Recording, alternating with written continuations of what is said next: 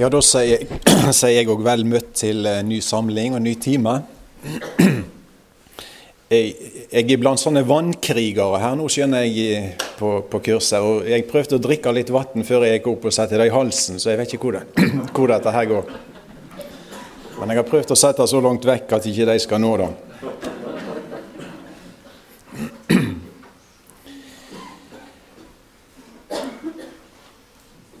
Jeg er jo imponert over, over oppmøtet, og jeg er imponert over én ting til her sør, og det er hvor fort jeg drikker kaffe.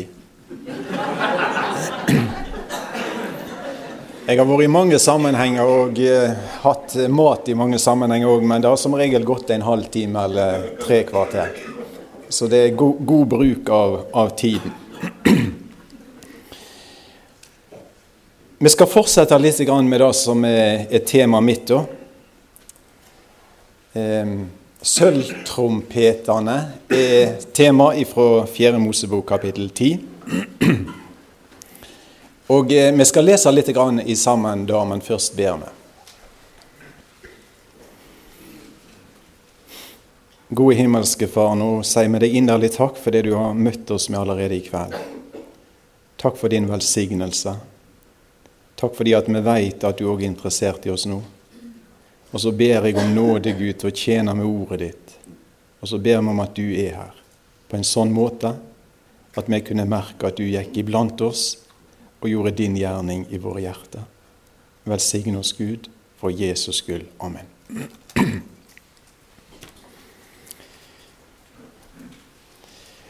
Jeg leser ikke hele avsnittet, men jeg leser altså i 4. Mosebok kapittel 10, og jeg leser fra vers 1 at Herren taler til Moses og sa:" Lag deg to trompeter av sølv, og du skal lage deg hamre arbeid, og du skal bruke dem når lyden skal kalles sammen, og når leirene skal bryte opp, og så videre.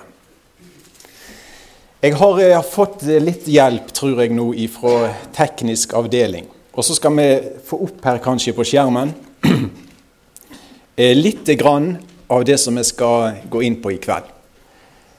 Um, ja, de har til og med fått en liten illustrasjon da, ute til høyre for dere på disse her sølvtrompetene, da, sånn som en eh, bibelfortolker har tenkt seg at de var. Det er vel ingen som har sett dem, men de tenker seg vel at det er sånn helt enkle basuner eller trompeter. Og så er det illustrert to prester da, som står og blåser på dette, og det var da Aron sine sønner.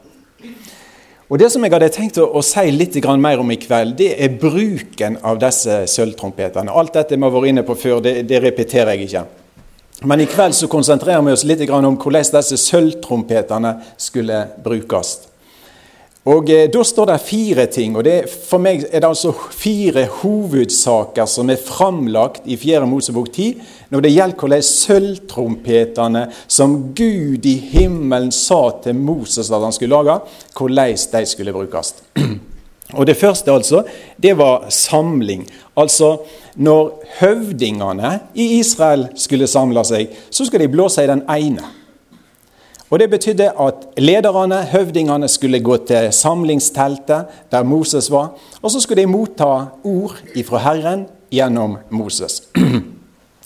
Når de blåste i begge, eh, da skulle hele forsamlingen, altså alle folket, da skulle de samle seg på samme plassen.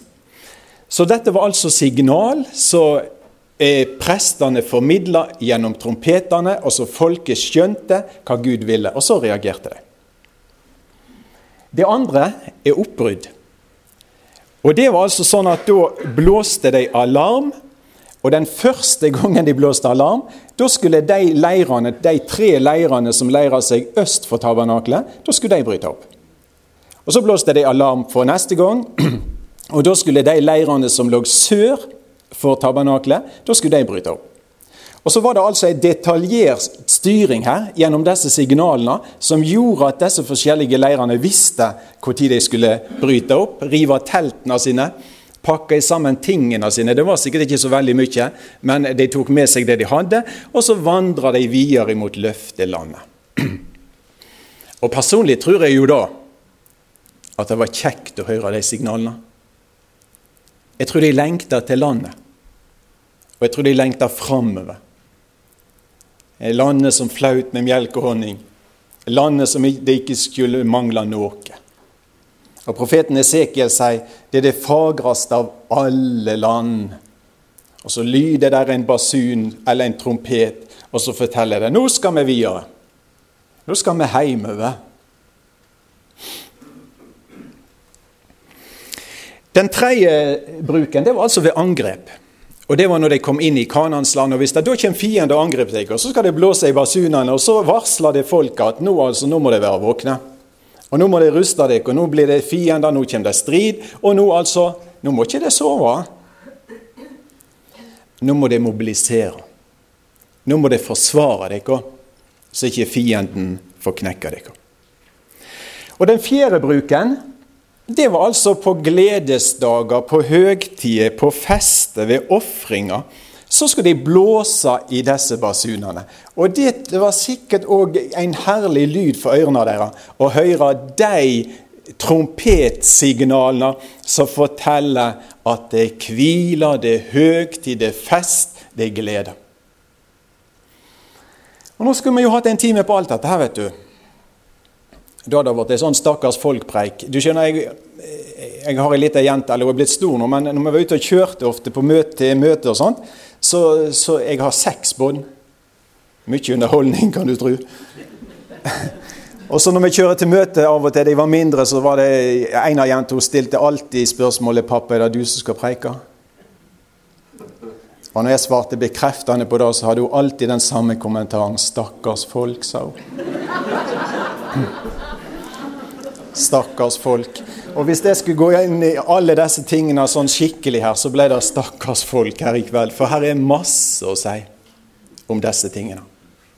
Men det som jeg har lyst til å prøve i kveld, det å vinkle det fra en litt spesiell side. da.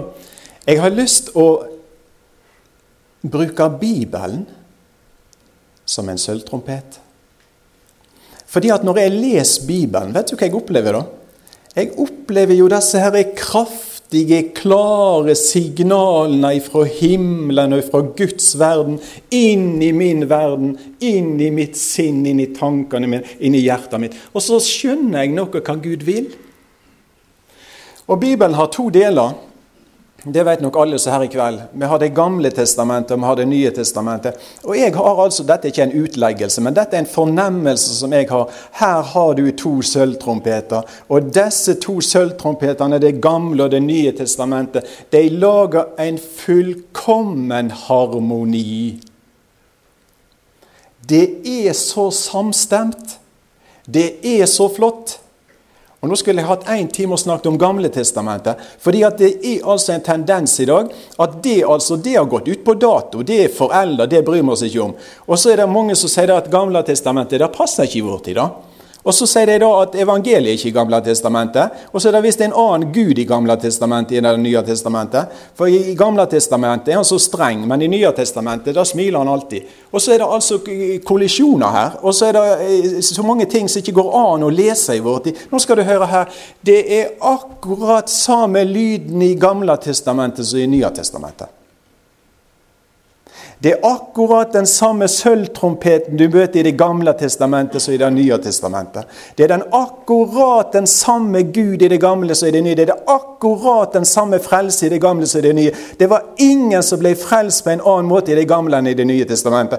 Og det er Den hellige ånd som blåser gjennom profetene i Det gamle testamentet og får dem til å profetere for seg, som den hellige ånd blåser i Det nye testamentet gjennom apostlene. Og så er det Anden som driver deg til å tale Guds ord. Det er saken.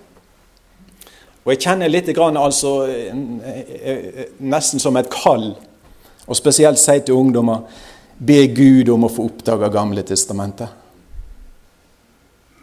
Det er en herlig tråd gjennom hele Skriften. Og det du ser i Det gamle testamentet, er det samme som du ser i Det nye testamentet. Og hovedbudskapet gjennom sølvtrompetene i Bibelen er Jesus.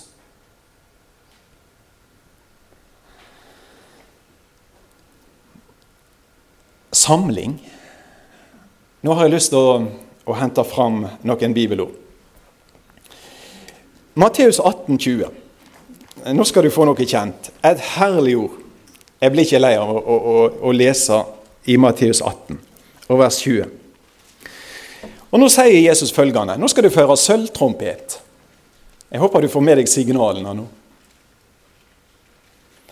For der to eller tre er samla i mitt navn, der er jeg midt imellom deg. Du kan tro jeg syns det der ordet er fint å ha med når jeg er rundt om i Nordhordland, og, og da sitter gjerne to eller tre. Jeg er så fascinert av Jesus. Jeg er ikke sikker om predikantene fordømmer to eller tre, men han sier jeg skal være der. Og så Hør nå her. Hvis du skal snakke om samling, kommer du lavere enn to da? Han går til minimum, og så sier han der to eller tre er samla i mitt navn. Ok, det betyr noe. Det betyr noe helt spesielt. Det betyr det han det dreier seg om. Det er han som programmet. Det er han som er hovedsak i møtet. Det er ikke ei sak som samler oss. Det er ikke, eh, det er ikke en organisasjon. Altså, Det er ikke interesser, det er ikke et tema, det er ikke en predikant. Altså, Der Jesus er i sentrum, der er jeg, sier han. Om det er to, så er jeg der. Ja, hjemme hos meg, ja. Det var en periode, vet du hva de spurte om? Vi skulle på møte. En spurte om er det mat, sa han. Er det mat? Og jeg spurte er det lodd. Og jeg spurte hvem som spiller. Men nå får jeg bare si dette er båten. Men kjære venner, hva skal vi spørre om? Hva spør du om? Vet du hva vi skal spørre om? Er Jesus der? Og hvis Jesus er der, da vil jeg være der òg. Jeg sier ikke at alle kan gå på alle møter, men jeg sier her er noen herlige trompetsignaler som skulle kalle oss til samling, der to og tre er samla i dette velsigna Jesu navnet. Der vil jeg være òg, for han er der. Samling. For en samling. Og du skjønner, Jeg hadde nesten lyst til at disse trompetsignalene her, altså fra Bibelen sin trompet skulle altså det skulle lyde i oss som små sølvtrompeter ut til våre omgivelser. Og så skulle du bringe det til dine venner. altså, altså Der er noen samlinger som du skulle vært med på, altså. Der er noen vidunderlige samlinger i syndens og dødens verden. Der er noen vidunderlige samlinger i denne ørken som jeg og du ferdes i. Der er Jesus.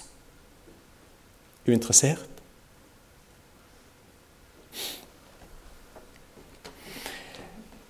Hebreerne 10, 24-25. Hebreerne 10, 24-25.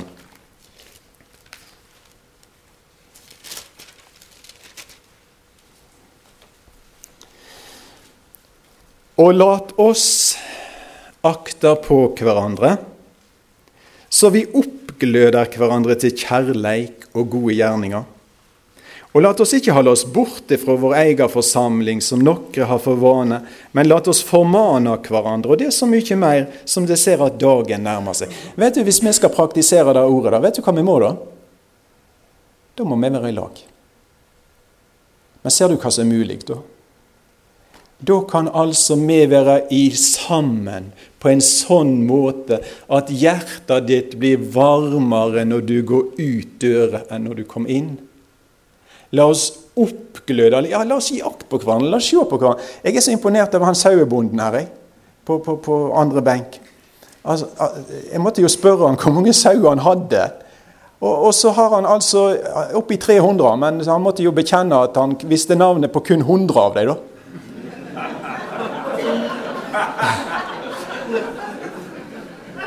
Men, men hjelpe meg for en fyr!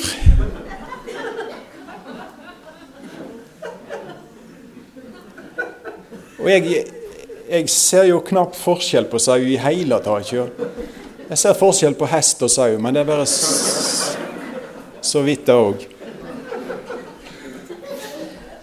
Men det der å gi akt på hverandre og Vet du hva jeg tenkte på? Ja, Kjenner vi hverandre på bedehusene?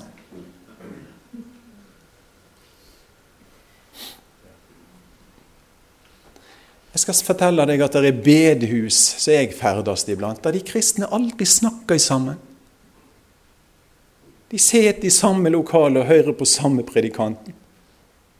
Og det er alt.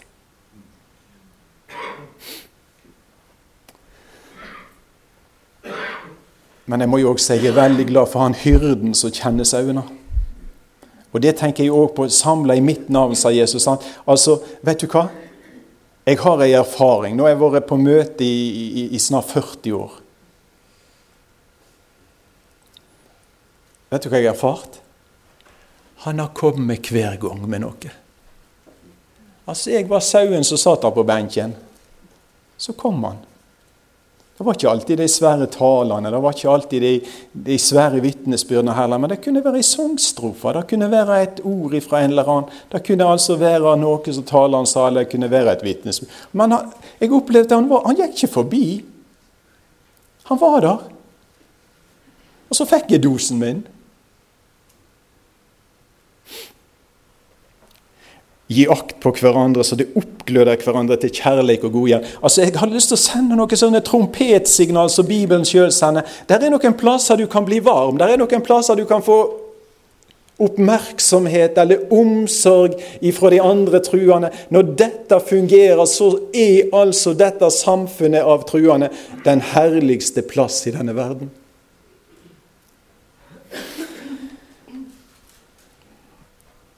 Det var Nytestamentet.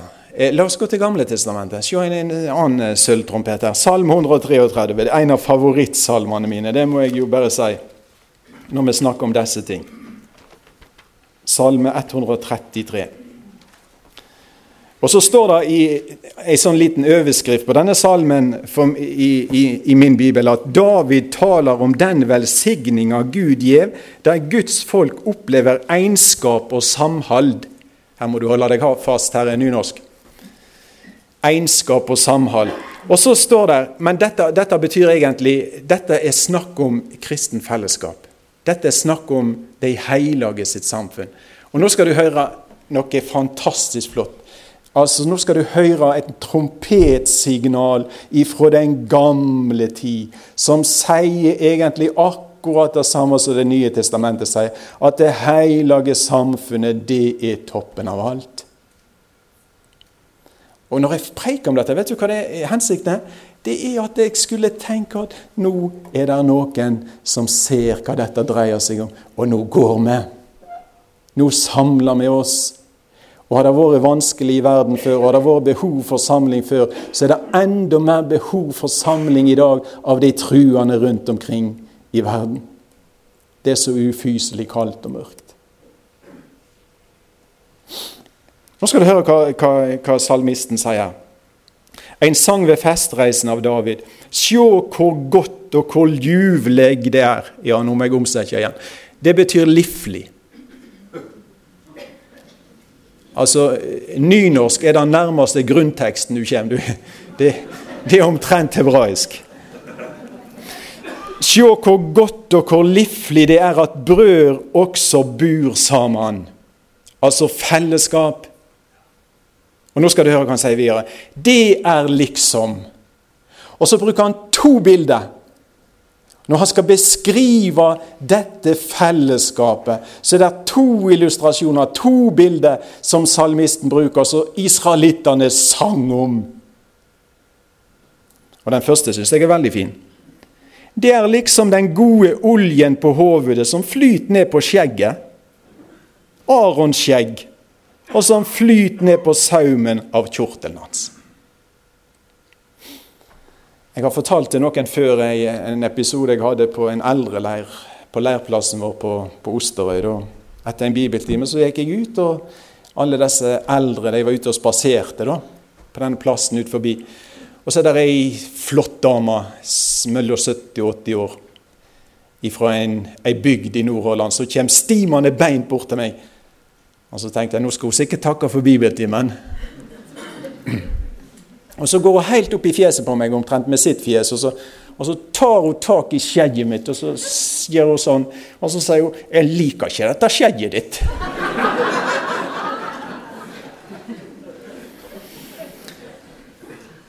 Men jeg kunne i grunn trøste meg da at jeg var i et godt fellesskap eh, med, med en stor klubb, sa jeg. Og eh, jeg tenkte på det som står i Bibelen om den sak. Men hør nå hva bildet her er. Altså Aron, så er det altså den øverste presten, så heller de olja på hodet hans. Og så flyter denne olja ned på skjegget hans. Og vet du hva olje det var? Jeg tror vi i dag ville kalt det for parfyme. Altså en sånn vellukt og når han Aron nå beveger seg rundt omkring, vet du hva som skjer da? Ja, da blir det en sånn god lukt, altså. Det blir en sånn vellukt der denne mannen ferdes omkring iblant de andre. Og så sier han altså det kristne fellesskapet. Det er altså omtrent som dette her. Altså, det er en sånn velsigna atmosfære. Det er en sånn god lukt. Det er en sånn himmelsk duft der. Vet du hva som skjer når vi er sammen i Jesu navn? Vi merker den store øverstepresten. Og så beveger han seg iblant oss, og så kjenner jeg en luft av en annen verden. Så kjenner jeg en duft som gjør at jeg begynner å skjønne litt mer av de evige tingene. Og så har jeg litt mer lyst å fare hjem og oppleve dette fullkomment. En duft av liv til liv. Det er snakk om en plass i Bibelen. Og her er altså noe av himmelen der Jesus er, som gjør at dette blir helt spesielt. Det andre bildet det er som Doggy fra Hermon som renner ned på Sionsberg for der, og nå skal du høre, altså Doggy fra Hermon som renner ned på Sionsberg, da, da vokser det, da spirer det. sant? Her gror det. Og Så bruker han det som et bilde på det kristne fellesskapet. og Jeg kunne gjerne talt en del nå om hva skjer når vi er samla i Jesu navn. Hva skjer når vi hører Guds ord? Ja, Vi går jo ut igjen som det ingenting har skjedd. Hvis disse tingene er reelle, så skjer det største i denne verden. Det skjer der de kristne er sammen og hører Guds ord. Her er enorme evighetsresultat i slike samlinger der Guds ord og Guds ånd får gjøre sin gjerning. Og Nå skal du høre hva som står etterpå. For der, altså der disse bor i sammen, der dette fellesskapet er, der dette fellesskapet fungerer, for der har Herren gitt bud om velsigninger, liv til evig tid. Hørte du? Der har altså Gud i himmelen befalt noe. Der disse samla i Herrens navn, der har Gud gitt det, beskjed, eller det budet. Her skal det velsignes. Og her skal det evige livet virke.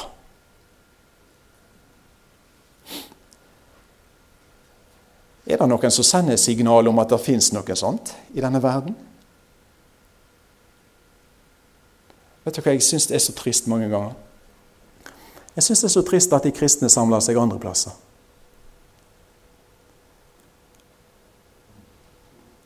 Det er mange kristne som ser på denne verdens søppelhaug.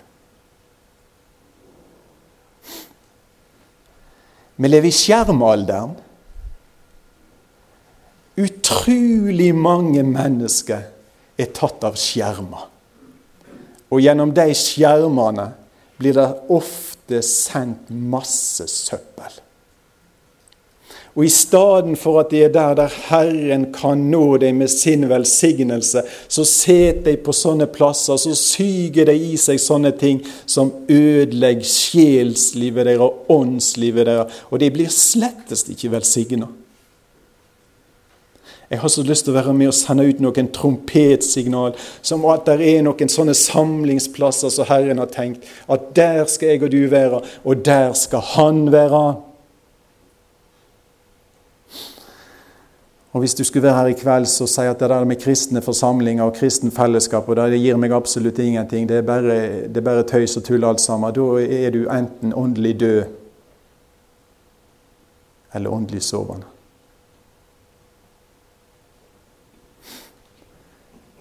Hvis du har fått del i Guds natur, hvis du er født på ny, så vil du trives der Jesus er.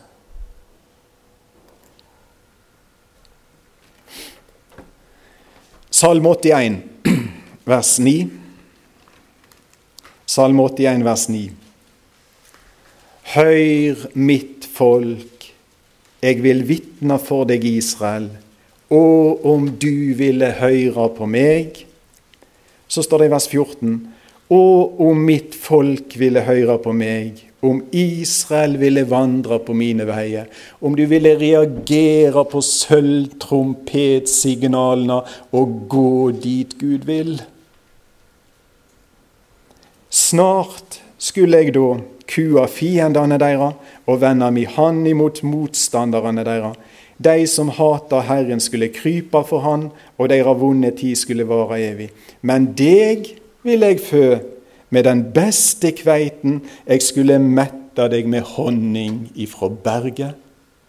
Tror du på Gud?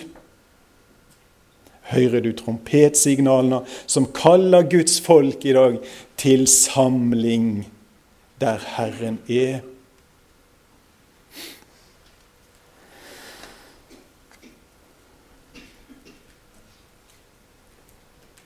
Punkt to i kveld. Det var Disse sølvtrompetene var brukt når altså Israels folk, Guds folk, skulle bryte opp. De skulle videre, som jeg sa i stad.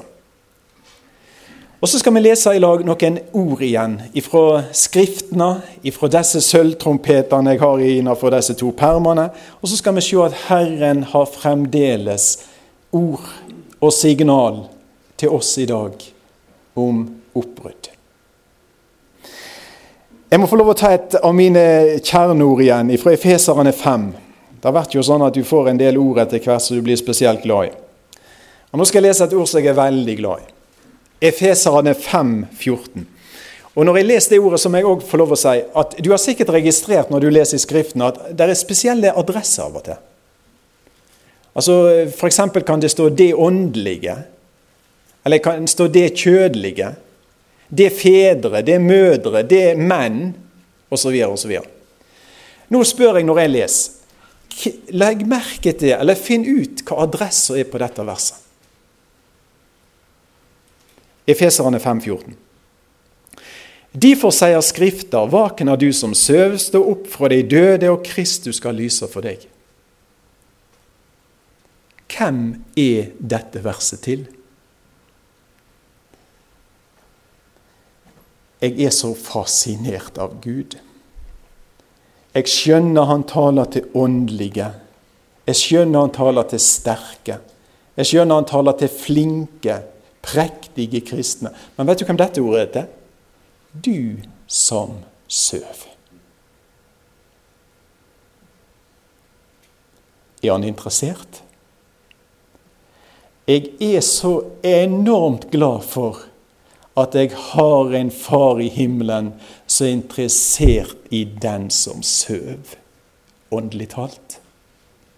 For den predikanten som står på talerstolen i kveld, han må jo bare bekjenne at mange dager så er jeg en søvngjenger. Jeg ser slettest ikke tingene slik jeg burde se dem. Og livet mitt vitner ikke alltid om at jeg er en klårsynt kristen, men tvert imot en sovende. Ut med deg! Nei. Det er ei helsing ifra himmelen til den som søv. Og Nå kan du jo ta en test sjøl. Hvordan ser du de ufrelste, f.eks.? Hvordan ser du himmelen?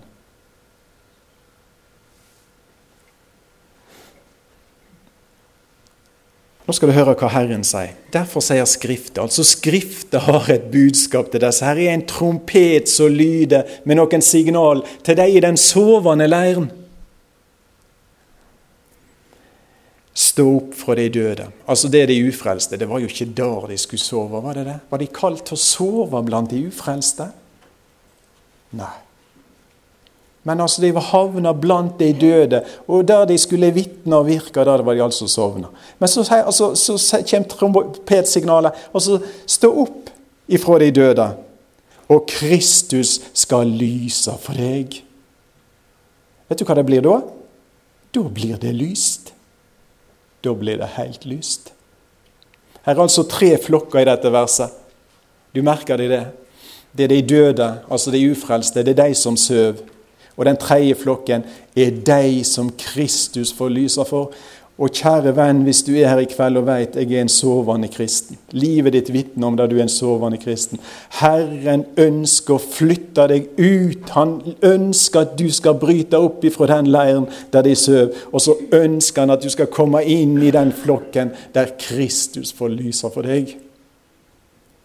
Det er Herrens plan, og det er Herrens vilje med sine.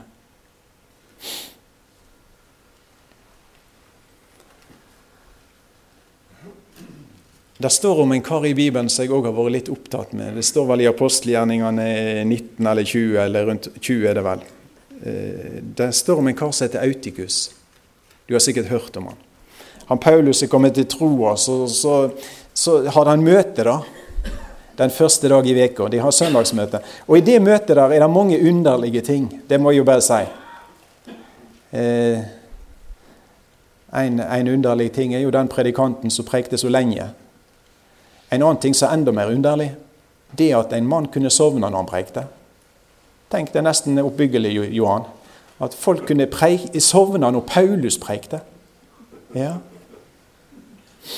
Men vet du hva som undrer meg mest i den beretning? Vet du hva det er? Det er at ingen så at han Autikus som satt i vinduet i tredje etasje, holdt på å sovne. Og så sitter han og dupper i det der vinduet, og så er det ikke det noe, det er ikke ei sjel som reagerer. Det er ikke en trompetelyd i. Og så sitter han der til han ramler ut. At det ikke i den forsamlingen var iallfall én som kunne gått bort og rista i han, eller dunka i han, for å bruke uttrykket i går kveld, tatt hammeren og dunka til han. Det hadde vært mye bedre da at han hadde fått en skikkelig smell enn at han ramla ut. Det var ikke noen. Og Gud hjelpe oss at vi ikke òg er like søvnige som ikke ser de som holder på å sovne og ramle ut.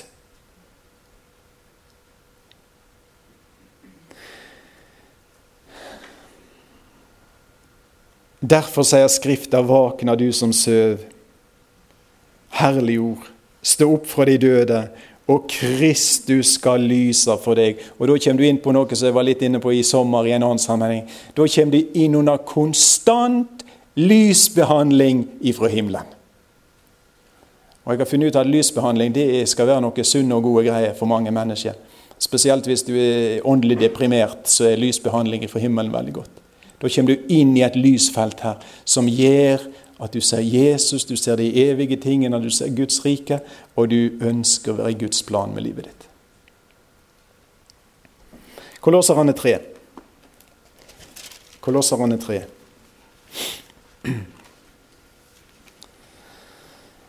Jeg leste de to første vers. Er det da oppreiste med Kristus, så søk det som er der oppe der Kristus set ved Guds høyre hånd, og lat hugen dykkar være vendt mot det som er der oppe, ikke mot det som er på jord. Hører du trompetsignalene til et folk i Kolosseum som synes det har blitt så altfor masse opptatt med denne verden?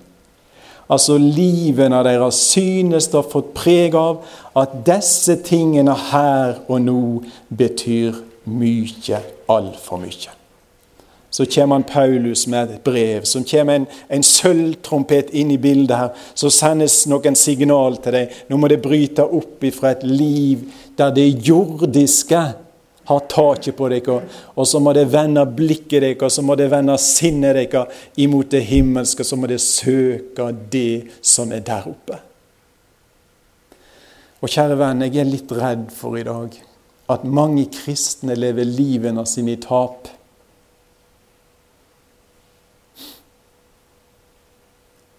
Fordi at denne verden har så stor makt. Og så satser en, og så investerer en. Og så bruker en tid og kreft og midler på ting som du før eller seinere mister alt i samme. For det som hører denne verden til, det taper du. Men det du investerer i Gud og Guds rike, det får du med til evig tid. Samla dere skatter som i himmelen, sa Jesus. Og når skulle vi gjøre det? Det var ikke når vi kom til himmelen. Det er mens vi er i denne verden. Og Jeg tror det er viktig at det er noen kristne som får altså noe sånne klare trompetsignal fra Guds ord, fra den guddommelige verden om at livet ditt var ikke tenkt å være et jag etter ting. Livet ditt var ikke tenkt at du skulle lage deg et paradis i denne verden, så du skulle etablere deg og gro fast i. Men livet ditt var tenkt ifra himmelens side å være ei reis der du skulle kjenne Herren og søke det som er der oppe.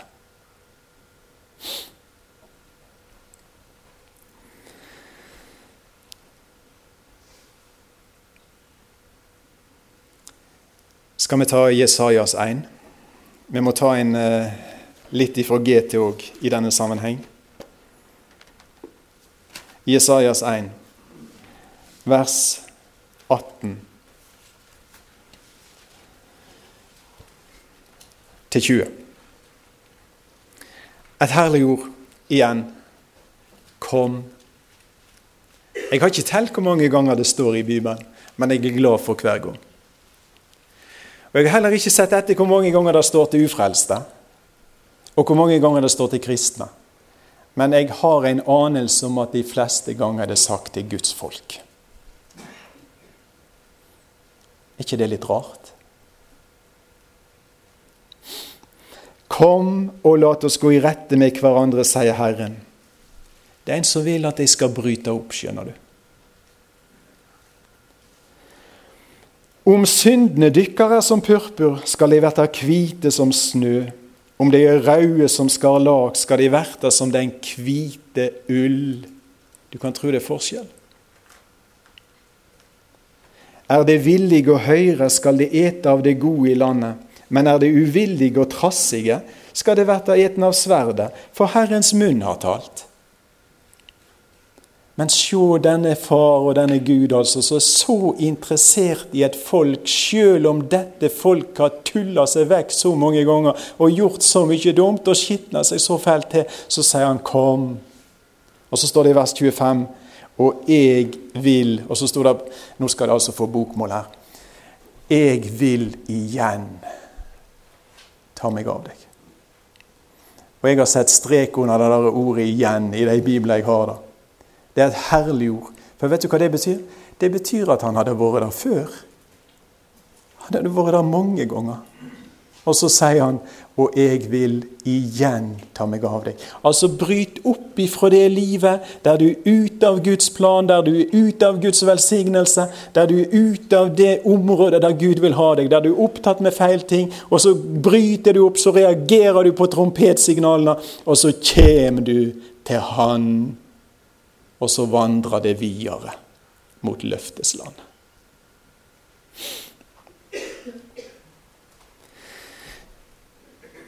Ja Klokka mi hun er sånn antiemiserisk. Så det skjellet er på linje med meg. Men jeg må få ta én ting til her. fordi Jeg skulle også sagt litt om, om dette med oppbrudd i forbindelse med, med de ufrelste. For det er noe som forundrer meg kolossalt i dag. Jeg hører en del forkynnelse. Jeg gjør det. En del offentlig forkynnelse, kanskje gjennom radio og fjernsyn og sånne ting. Vet du hva som jeg føler er sjokkerende tragisk? Det er snart ingen som ber folk om å vende om til Gud. Bare hør etter. Det er snart ingen som forkynner Jesus som frelser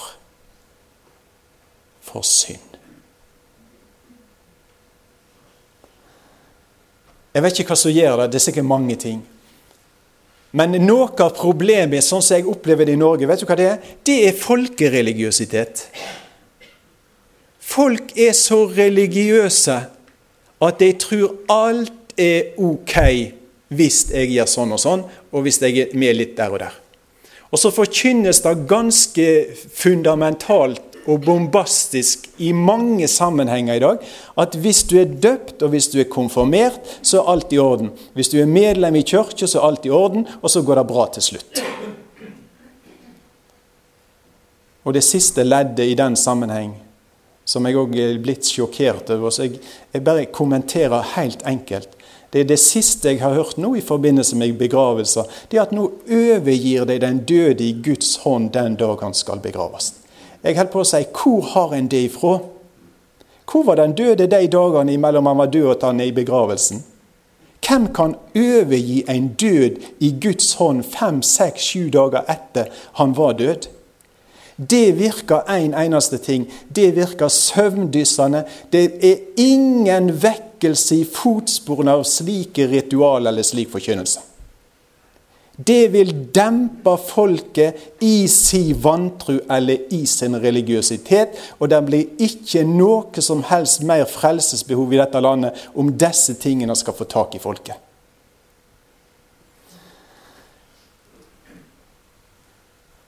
Bibelen er ei herlig bok. Bibelen taler sannhet.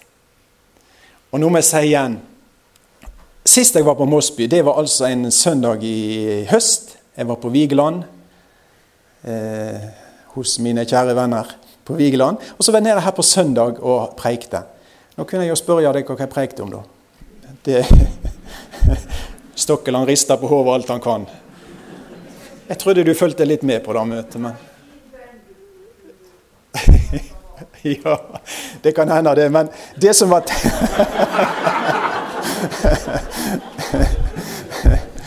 Her får de mer enn jeg gir. Det som var teksten min den dagen, det var egentlig to sølvtrompeter. Det heter Peter og Johannes. Og Jeg har blitt så fascinert av det kapitlet i apostelgjerningene som har nummer fire. For det er så sterkt, og det er så klart, og det er så tydelig. Jeg skal ikke ta opp igjen den preiken, men jeg skal bare altså nett gjøre deg oppmerksom på én ting. Eh, det står at eh, Dagen etter står det i vers 5 i apostelgjerningene 4. Dagen etter kom de jødiske rådsherrene, de eldste og de skriftlærde sammen i Jerusalem. Mellom dem var Annas øverstepresten og Kaifas og Johannes og Aleksander og alle de som hørte til ætten til øversteprestene. Kan du tenke deg en sånn forsamling? Altså, det er to øversteprester. De skriftlærde, de fariseerne, og så en hel del andre kjempeflotte topp mennesker i dette samfunnet. Og du kan tro de var religiøse. De kunne Skriftene. De gav tiende minst. De altså vaska hendene sine de åt ikke en ting uten de hadde vaska hendene sine. De kunne gå milevis og vaske hendene sine de før de åt. De tok det så nøye. De var omskårne, hele bunten. De gikk i tempelet. De kunne salmene, de kunne loven og alt det samme. Og så står det to lekfolk framfor dem. De har sittet i fengsel om natta, og de liker ikke lyden i dem. For de to sølvtrompetene hadde så klar lyd. Og det siste de gjør, vet du hva det er? De truer dem. Altså, de vil sette lyddempere i dem. Og så vil de ha slutt på lyden i de karene. da. Og da sier han Peter da altså at vi kan ikke annet enn å tale om det vi har sett og hørt. Altså, De får gjøre hva de vil, men vi, vi, vi blåser med. Altså, Her er ingen forandring på lyd. Her er full lyd hele tida. Og vet du hva de snakker om? Vet du hva de sier til han Annas og Kaifas? Se for deg de flotte, prektige karene i sin religiøse stas, holdt på seg. Og hvis hele eldsterådet, hele dette rådet i Israel var der, så var det iallfall 70 voksne, sinte mannfolk. Så står det to karer, altså jeg ser for meg 70 kanskje her, altså, og så to karer som skal stå og, og, og preike til sånne topputdanna teologer. Stakkars arme krek. Vet du hva de sier?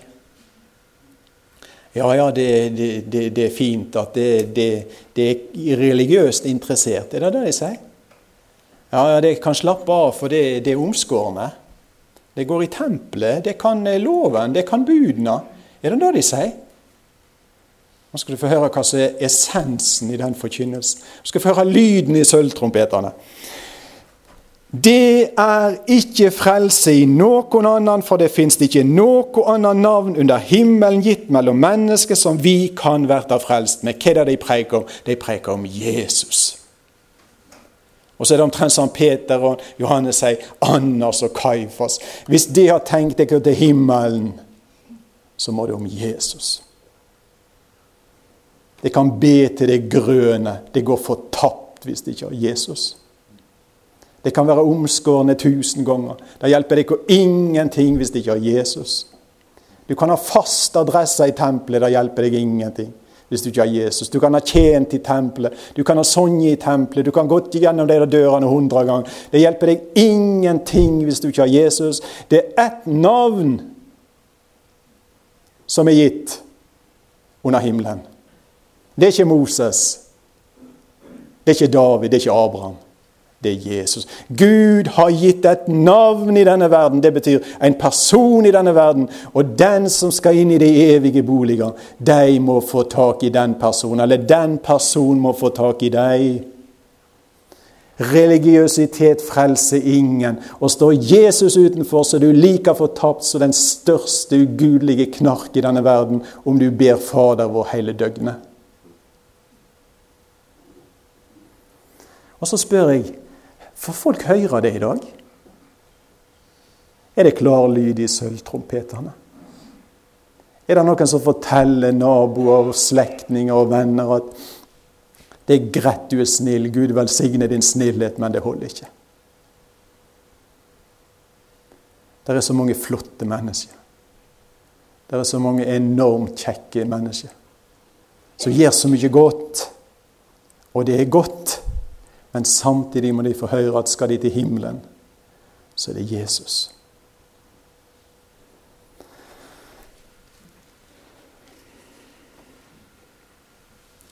Land, land, land, sier profeten Jeremia. Land, eller jord, jord, jord. Hør Herrens ord.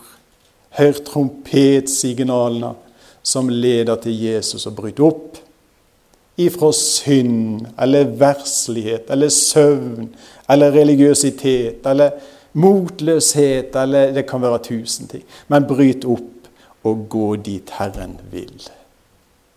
Til Jesus. Far i himmelen.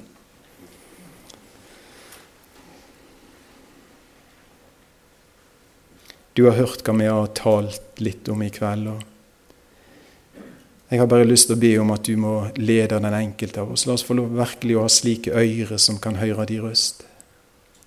Og la oss få lov å ha sånne liv som viser at vi har hørt. La oss få lov å leve i din nærhet. Og jeg takker og priser deg fordi at du har en enorm interesse for den enkelte som er her i kveld. Og så ønsker ikke du at vi skal leve livene våre i tap eller i tomhet, men i lyset, i rikdommen i Kristi nærhet. Og så ber jeg la din vilje virkelig skje. Og Hvis det er noen her inne i kveld som ikke kjenner deg, Jesus, så ber jeg spesielt om at de må få et signal fra deg som gjør at de òg kunne bryte opp og få et nytt liv i fellesskapet med Jesus. Så takker vi deg og priser med deg. Og så tilber vi deg, og så ærer vi deg. Du som er til evig tid for oss på veien hjem. Amen.